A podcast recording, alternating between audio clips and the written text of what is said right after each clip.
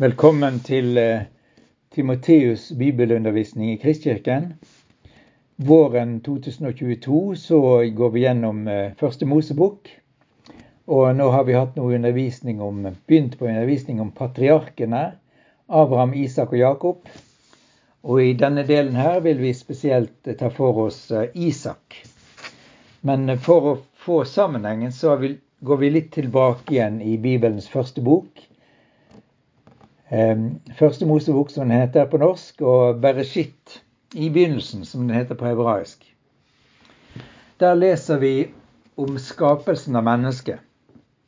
På hebraisk ha Adam, eller Adam, som mann og kvinne. På hebraisk sakar og nikba. Forplantningen er en viktig sak i den forbindelse, og Gud sier i kapittel 1 vers 27 Gud, på hebraisk Elohim, skapte mennesket, altså skapte bara, i sitt bilde. I Guds bilde skapte han det, som mann og kvinne skapte han dem. Gud velsignet på hebraisk barakk. dem. Gud velsignet dem og sa til dem, vær fruktbare og bli mange, fyll jorden og legg den under dere. Vi skal ikke forklare hvert ord, men løfte fram noen ting. For det første, Guds vilje er å befolke og velsigne hele jorden. Derfor har han skapt mennesket, altså Adam, som mann og kvinne. To ulike kjønn, hannkjønn og hunnkjønn. Dem ga han evne til å forplante og formere seg. Men for det andre, syndefallet har skapt uorden. Menneskene som skulle være til velsignelse for jorden, begynte i stedet å ødelegge den. Derfor måtte Gud starte på nytt. Og nå uttrykker han veldig sterkt velsignelsesordene. I deg, Abraham, skal alle slekter på jorden velsignes. Ordet velsigne, barak, i alle dets former blir et hovedord i første Mosebok fortelling om Abraham og patriarkene. Det vil si, det blir en kamp mellom Guds velsignelsesplan og de kreftene som vil ødelegge. Velsignelse leser vi om ved skapelsen, første Mosebok 1-2, i patriarkhistorien, første Mosebok 12-50, i hele Toraen eller alle Mosebøkene og hele Det gamle testamentet. Og velsigne er Guds vilje.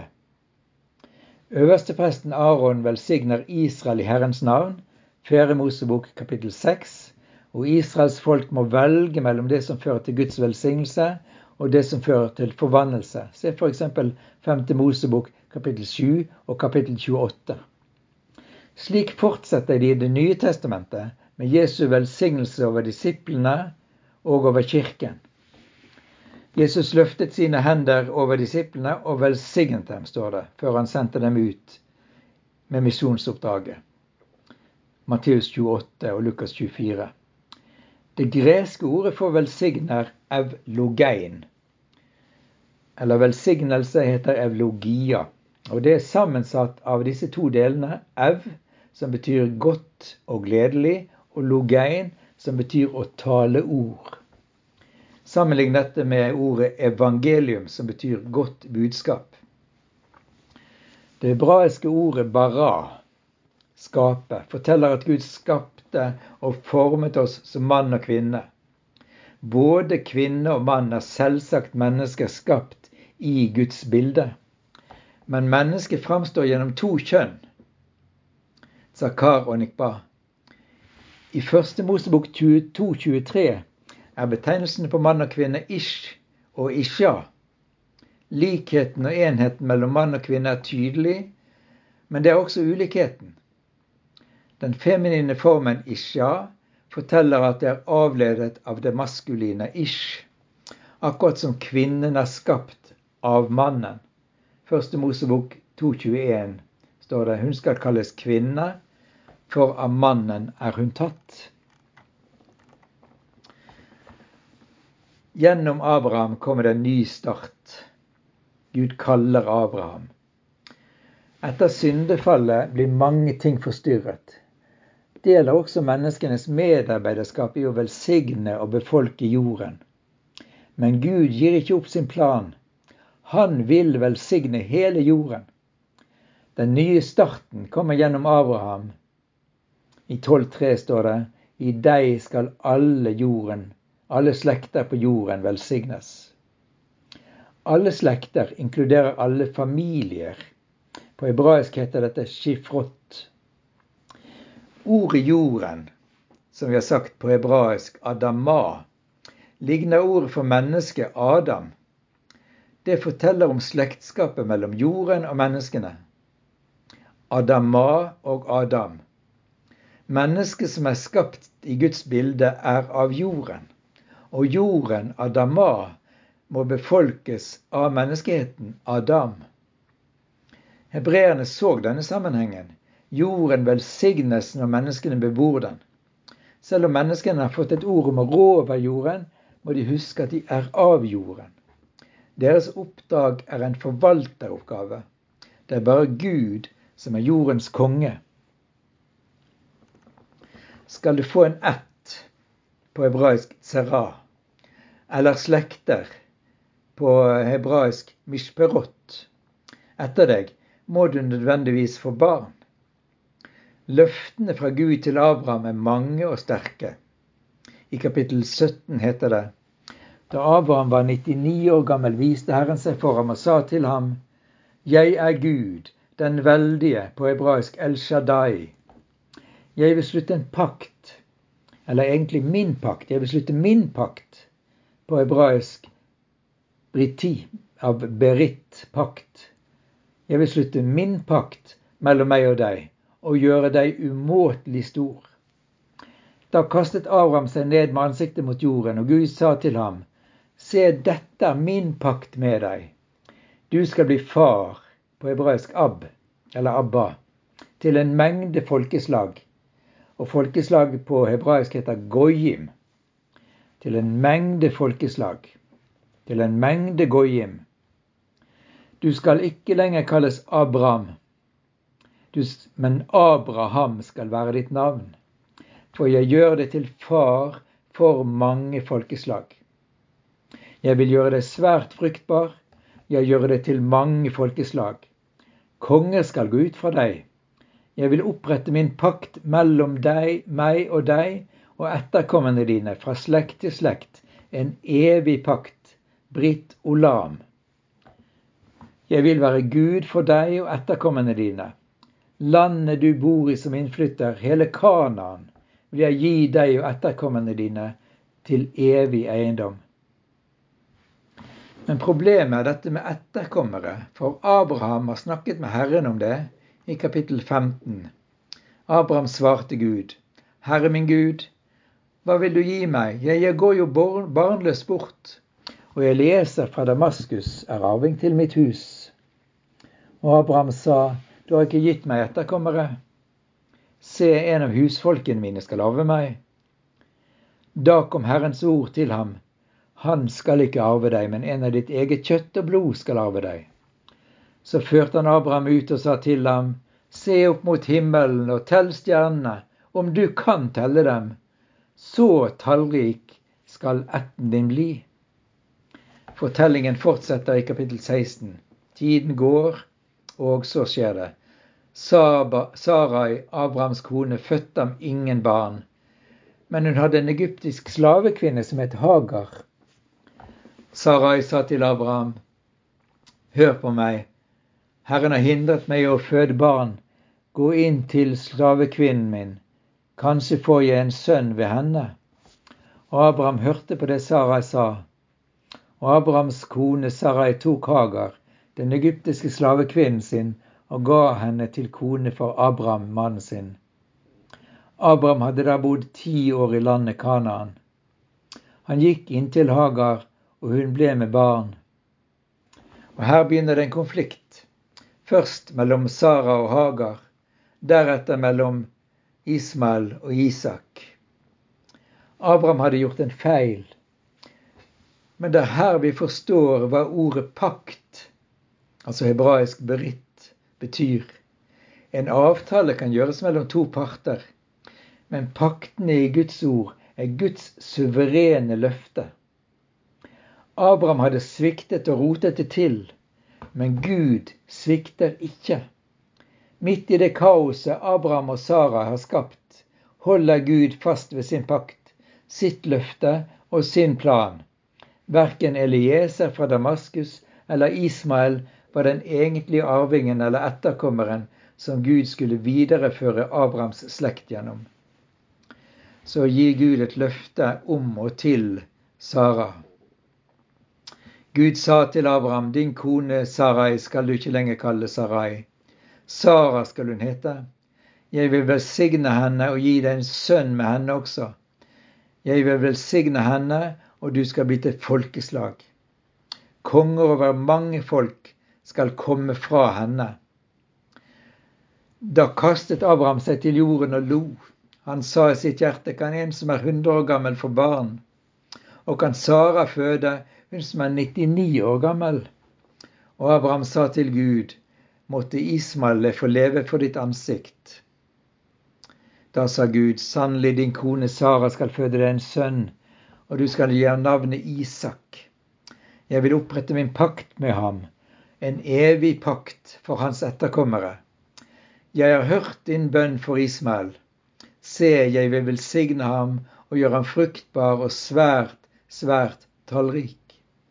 Tolv høvdinger skal han bli far til, og jeg vil gjøre ham til et stort folkeslag. Men min pakt vil jeg opprette med Isak, som Sara skal føde deg neste år på denne tiden. Så slutter dette avsnittet med Så var Gud ferdig med å tale ham, og han steg opp fra Abraham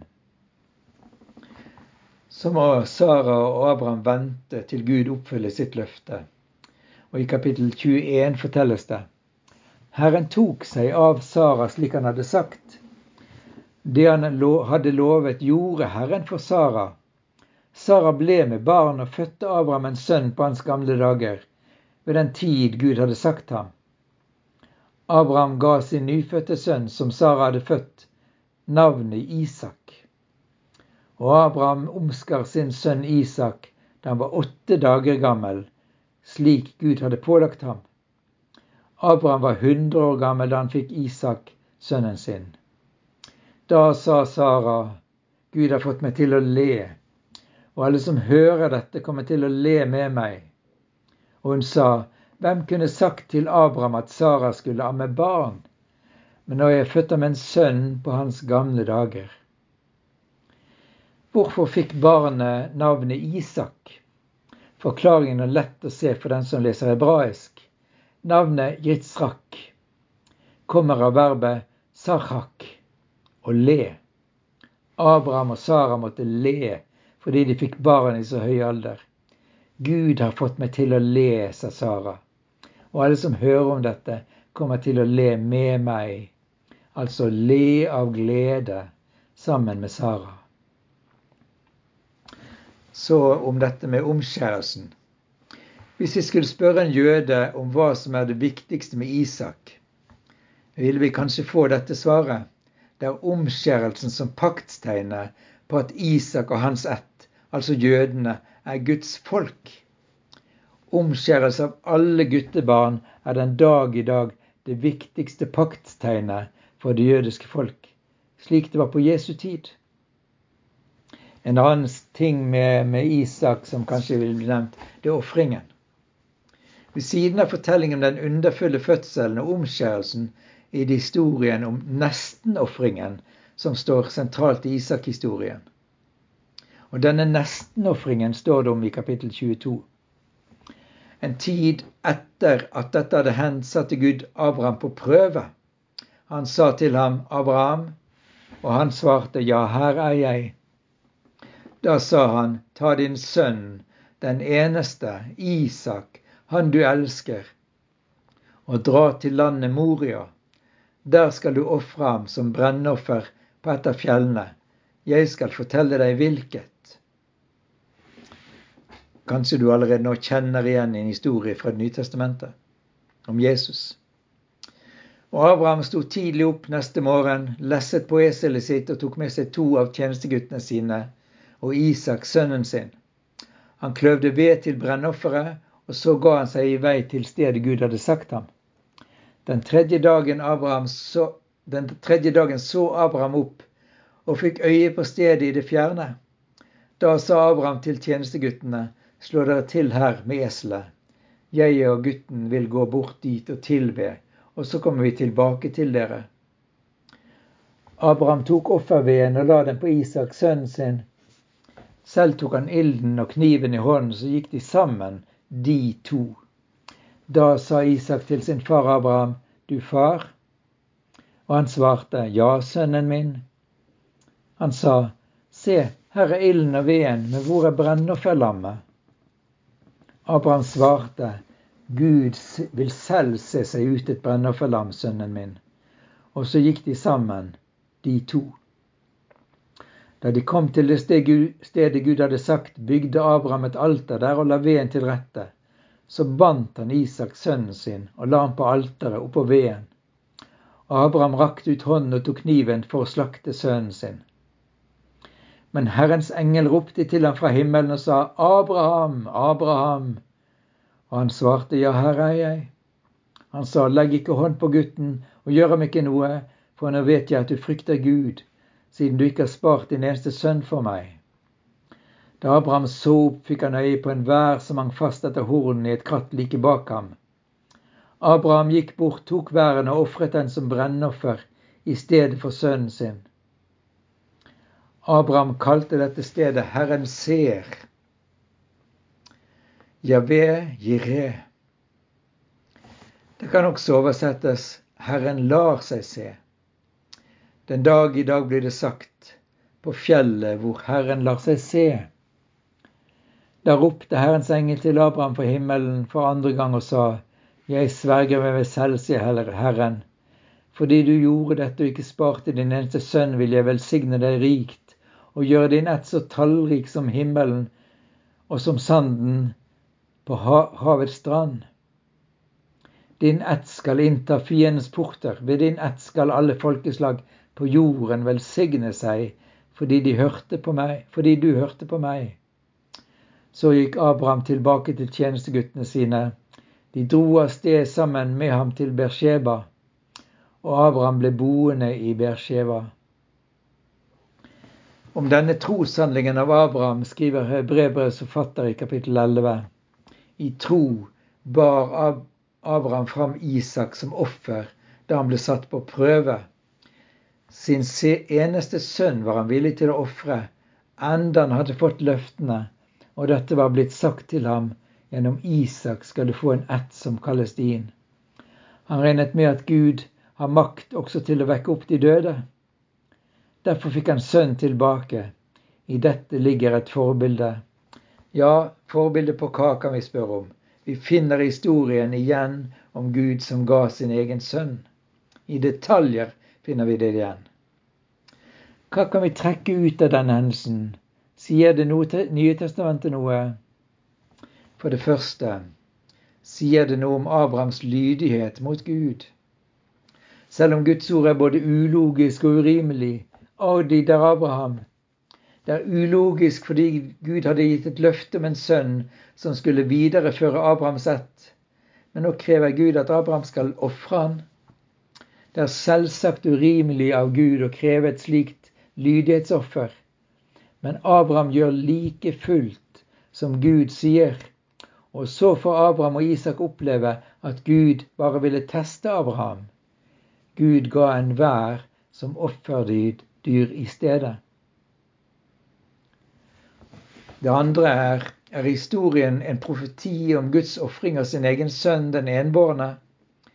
Det nye testamentet trekker ikke den linjen direkte. Likevel, når vi kjenner Det gamle testamentets stadig mer detaljerte fortelling om ofringer, så ser vi en linje.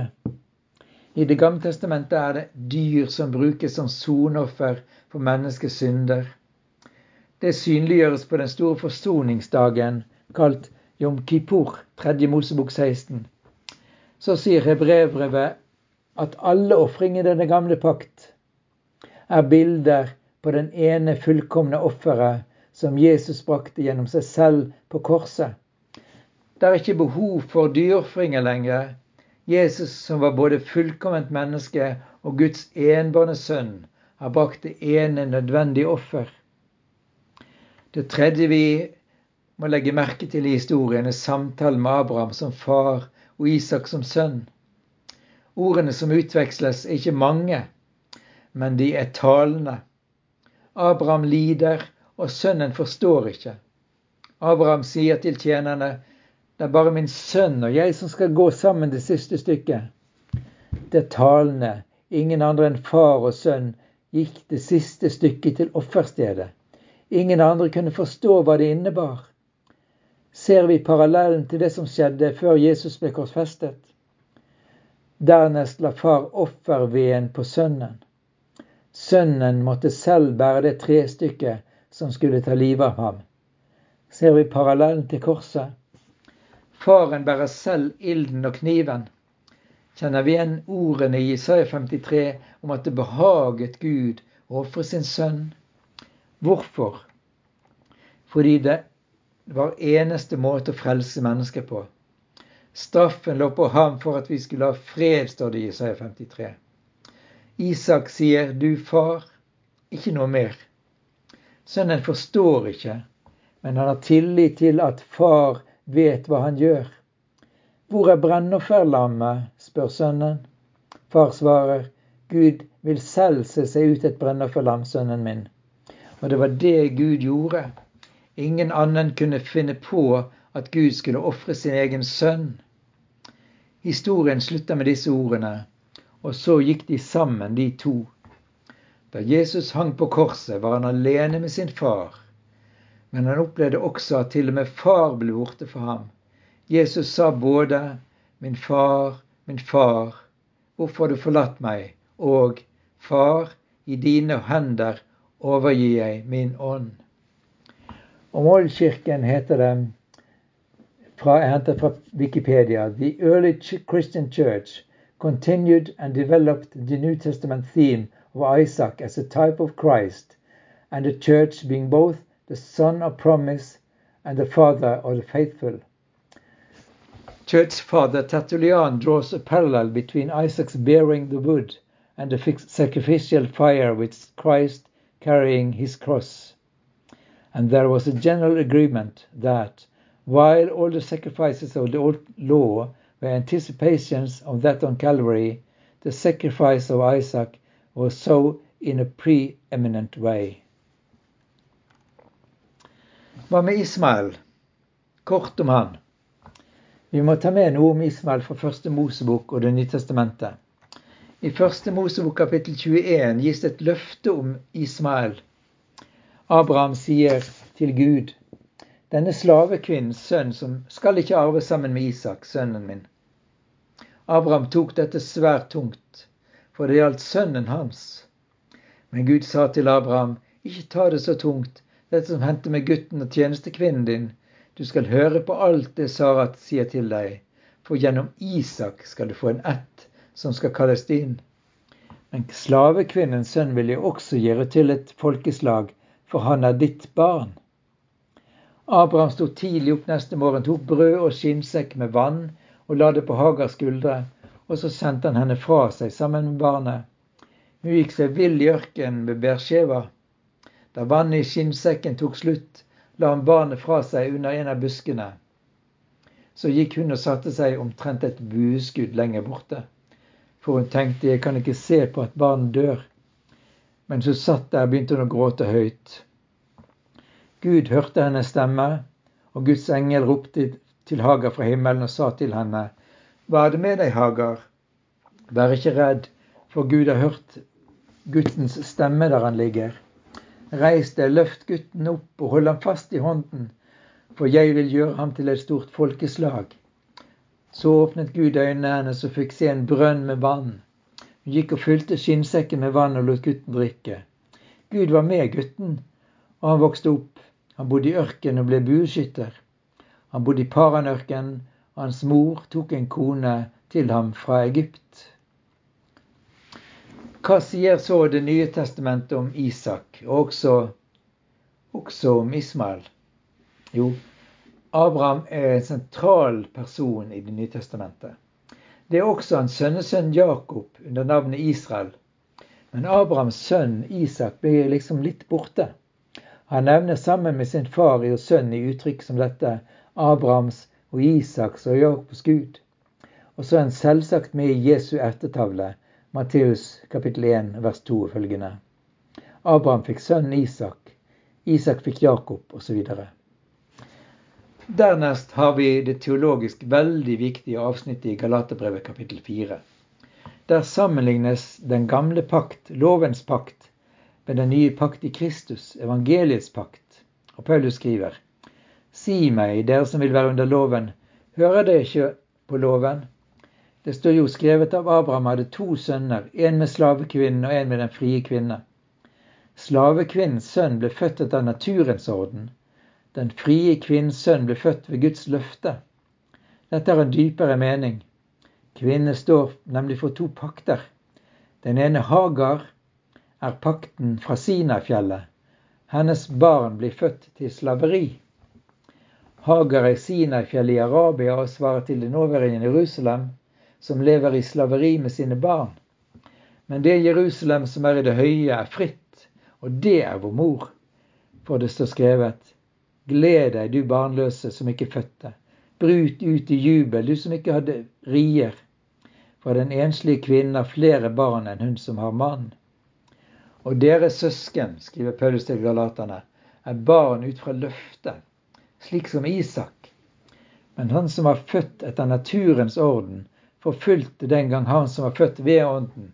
Og slik er det også nå. Men hva sier Skriften? Driv bort slavekvinnen og sønnen hennes, for slavekvinnens sønn skal ikke arve sammen med den frie kvinnens sønn. Altså, søsken, er vi ikke barn av slavekvinnen, men av den frie kvinnen. Og Dermed kan også vi som tror på Jesus Kristus, regner oss som Isaks ett. Isaks halvbror Ismael er ikke glemt av Gud, forteller Første Mosebok.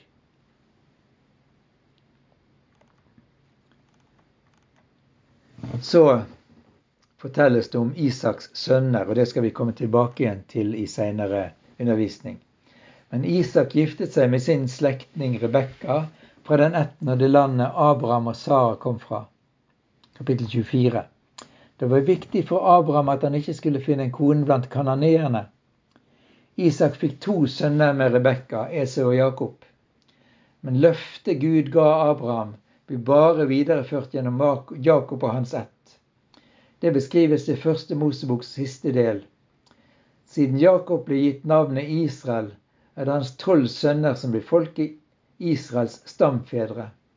Gjennom sønnen Juda blir han stamfar til Jesus. Matteus 1, 1 og følgende. Av navnet Juda, som på hebraisk heter Jehuda, eller på gresk Judan, får vi navnet jøder judaioi på gresk. Og Det står det fortalt om i Apostlenes gjerninger, kapittel 17, 13. Nå skal vi også eh, frem, fremover snakke litt mer i nye artikler og i podkaster om Ismael og hans ett. Vi skal snakke mer om Esau og Jakob. Vi skal snakke om kvinnene Sara, Hagar, Rebekka, Rakel og Lea. Og vi skal på undervisningen i juni ha snakke om Josef og hans brødre.